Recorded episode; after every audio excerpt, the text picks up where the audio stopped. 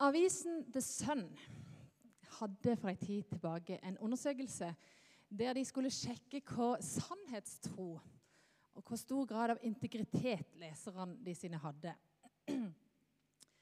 Og Avisa var helt fantastisk begeistra over resultatet, som viste at bare 22% av leserne ville drepe et annet menneske for å få tak i vedkommende sine penger, og at bare 38 ville synes det var helt OK at kona tjente penger ved å være prostituert. Vi har jo alltid visst det, men nå er det bevist. The Sun sine lesere de er skikkelig trofaste, anstendige, ærlige, omsorgsfulle og pålitelige. Og så skulle de kanskje ha lagt til med unntak av dere som er potensielle halliker eller mordere. Vi lever jo i en verden som er full av bedrag. Uærligheten blomstrer. Kriminalstatistikken fyker i været. Og de fleste forbrytelser har med uærlighet å gjøre. Innbrudd, bedrageri og tyveri. Men det er jo ikke bare i den kriminelle verden at vi finner uærlighet. Å gjøre krav på sannhet det er en krevende øvelse i dagens samfunn. I alle samfunnslag og yrkesgrupper og debatter. Og Det har vi sikkert kjent på kroppen, noen og enhver. Det gjør seg gjeldende i alt fra politikk til humor. Advokater har et frynsete rykte. Bruktbilforhandlere det samme.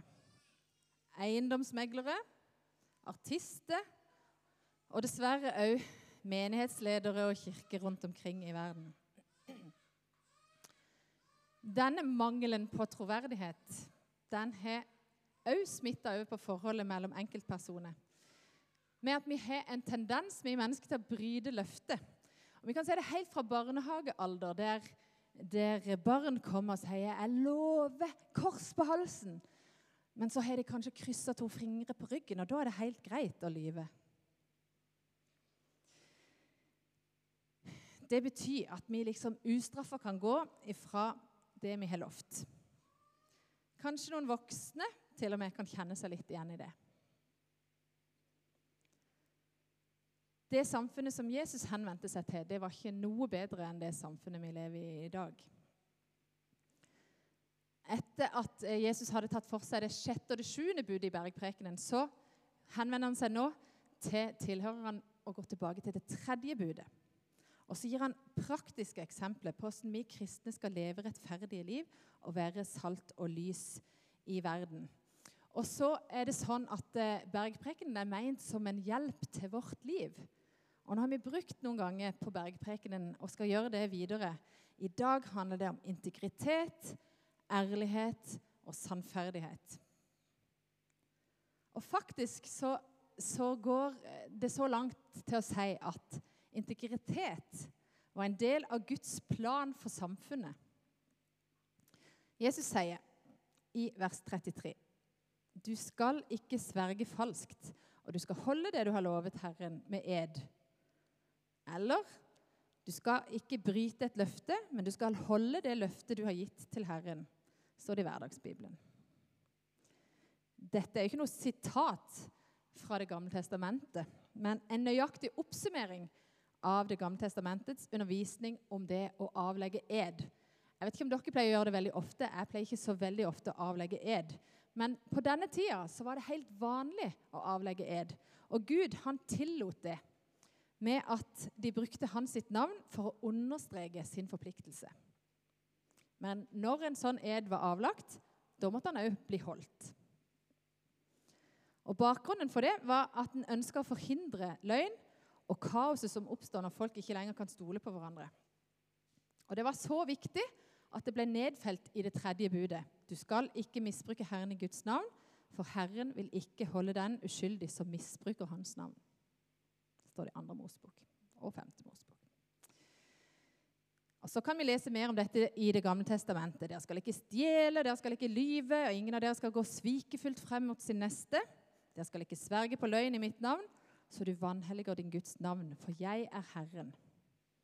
Eller når en mann gir Herren et løfte eller forplikter seg ved ed til avhold i en eller annen ting, så må han ikke bryte sitt ord. Alt det han har sagt, skal han gjøre. Når du gir Herren din Gud et løfte, da skal du ikke vente med å holde det, for Herren din Gud vil kreve det av deg, og det vil legge skyld på deg. Hva dine lepper har talt, skal du holde og gjøre, for du har gitt Herren ditt løfte frivillig og med din egen munn. Så det femte Mosebok. Noen ganger ble det for langt at du skulle avlegge ed. Eh, og I resten av Det gamle testamentet så blir det flere plasser understreka nødvendigheten av å holde sine løfter. Du skal oppfylle dine løfter til den høyeste, står det i salmene. Eller i Forkynneren. Når du gir Gud et løfte, så drøy ikke med å oppfylle det, for han har ingen glede i dårer. Hold det du har lovet han. Det er bedre at du ikke gir han noe løfte, enn å love og ikke holde det. Og Dette er jo sånn vi kan si til barna våre, og så peker plutselig pilene helt på oss sjøl. Bak alle Guds sine lover så ligger det en kjærlig Gud lengsel etter å skape et samfunn der det er godt, og det er en glede å bo.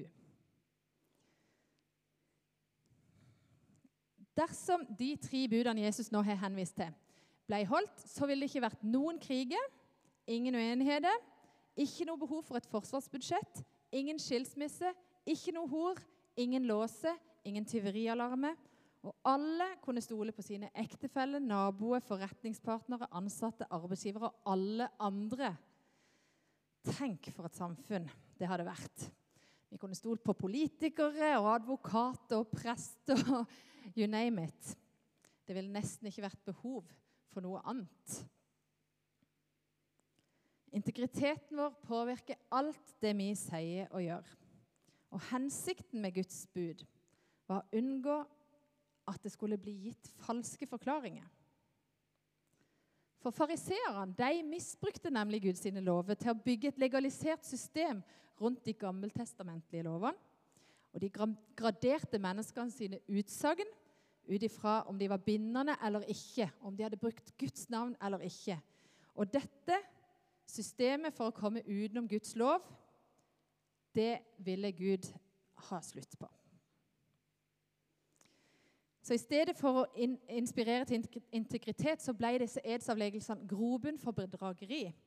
Og I stedet for å stadfeste et løfte så ga en edsavleggelse folk et smutthull, sånn at de kunne bryte sin forpliktelse uten at det fikk noen følge. Jesus han tar et oppgjør med hele dette systemet med edsavleggelse. Han pålegger og påpeker at det ikke er et spørsmål om å trekke Gud inn, men det er derimot et helt umulig en umulig kunst å holde Gud utenfor, for Gud er i alt. Til og med hodene våre, som det sto i vers 36. Som en skulle tro at var våre egne eiendommer. Det er Guds eiendom. Han bestemmer til og med hvilken farge vi skal ha på håret.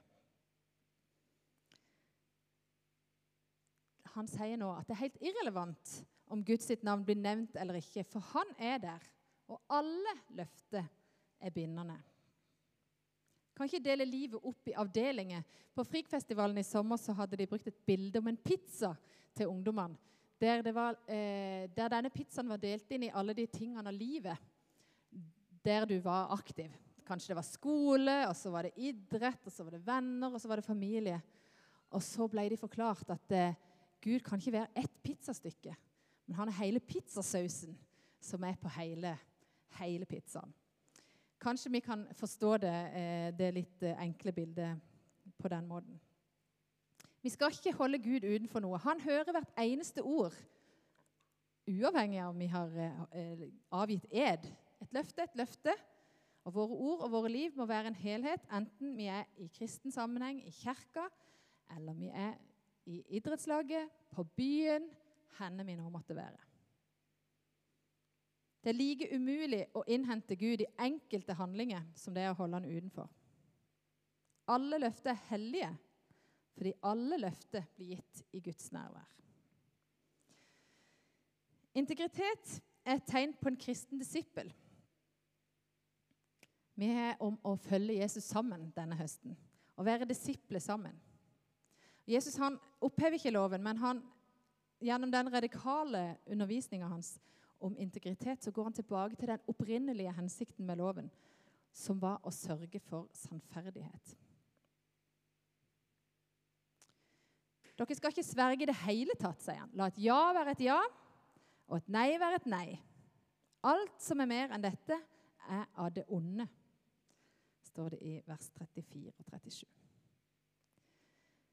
Ærlige mennesker trenger ikke stadfeste sine ord med en ed. Det fullkomne samfunnet er et samfunn der ingen trenger å garantere sitt ord med en ed, og der ikke noe menneskes løfter trenger å bli stadfestet med en ed for å være forpliktende, sier Nikki Gumbel. Når jeg hadde en av mine barn små eh, og gikk med barnevogn, sånn som det er noen av her i dag, så var jeg en tur til Danmark og gikk i taxfree-en og handla med barnevogn. Og så eh, kom, jeg helt, eh, så kom jeg hjem og skulle pakke barn og alt ut av eh, vogn og sånn. Og plutselig oppdaga jeg at det lå eh, jeg tror det var en deodorant og en maskara litt sånn skjøvet under et teppe i denne vogna. Eh, og det hadde sneget seg under der, og jeg, jeg ble helt sånn, begynte å kaldsvette. Liksom. Men jeg er jo en tyv. Jeg har jo tatt dette her helt uten å betale. Så tenkte jeg dette må jeg jo få ordna opp i. Så jeg, dagen etterpå så ringte jeg til Color Line og lurte på hvordan jeg skulle sa hva mitt ærend var. Hvordan jeg skulle få rydda opp i det. Så ble jeg bare helt sånn stille i andre enden.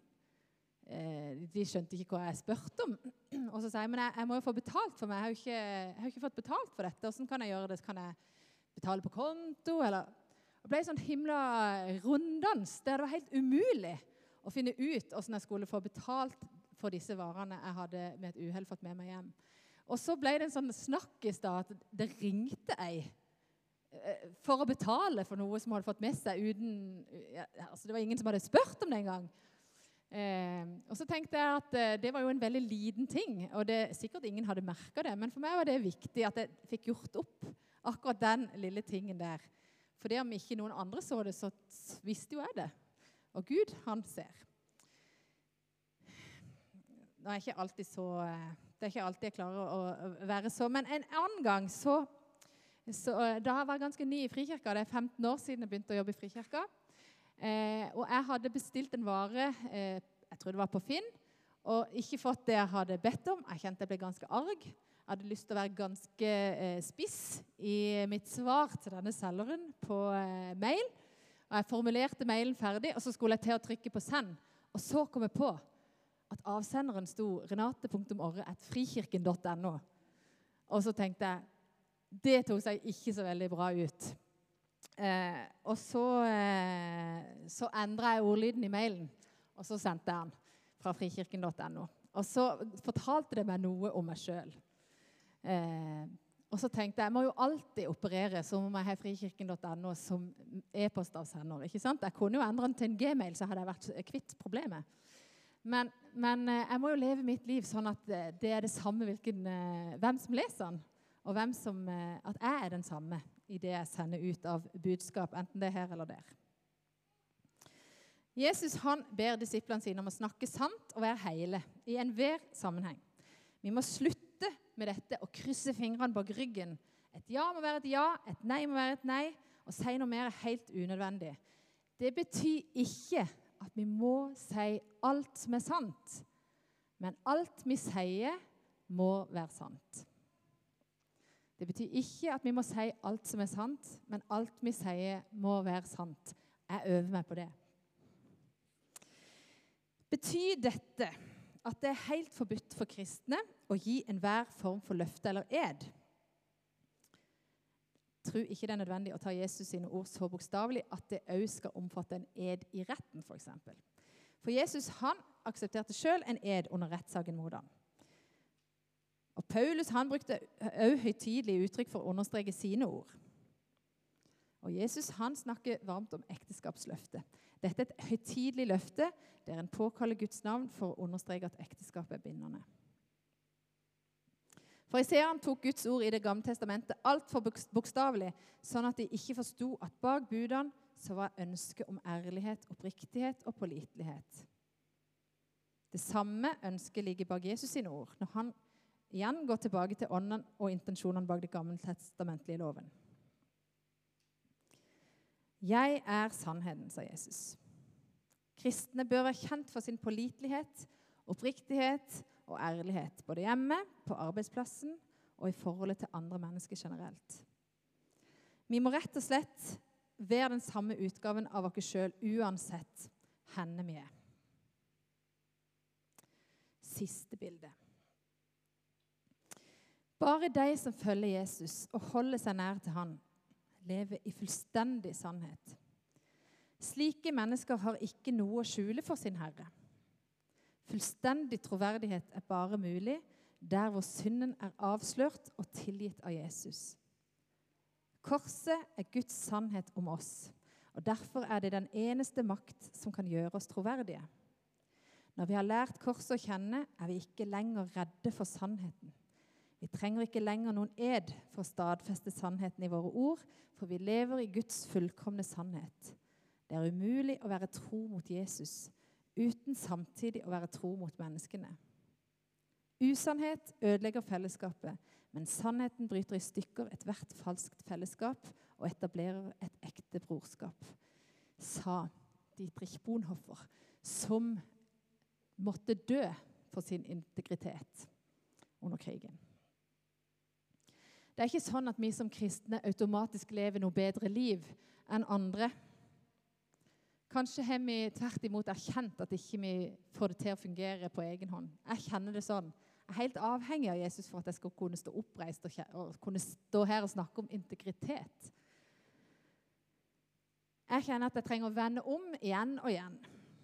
Og Da kan vi stå som hele mennesket med integritet òg når vi har gått på trynet. Og så skal vi i fellesskap få lov å bære hverandre, reise hverandre opp og hjelpe hverandre å holde blikket festa på Jesus. La oss be. Takk, Jesus, for at du har gjort alt ferdig.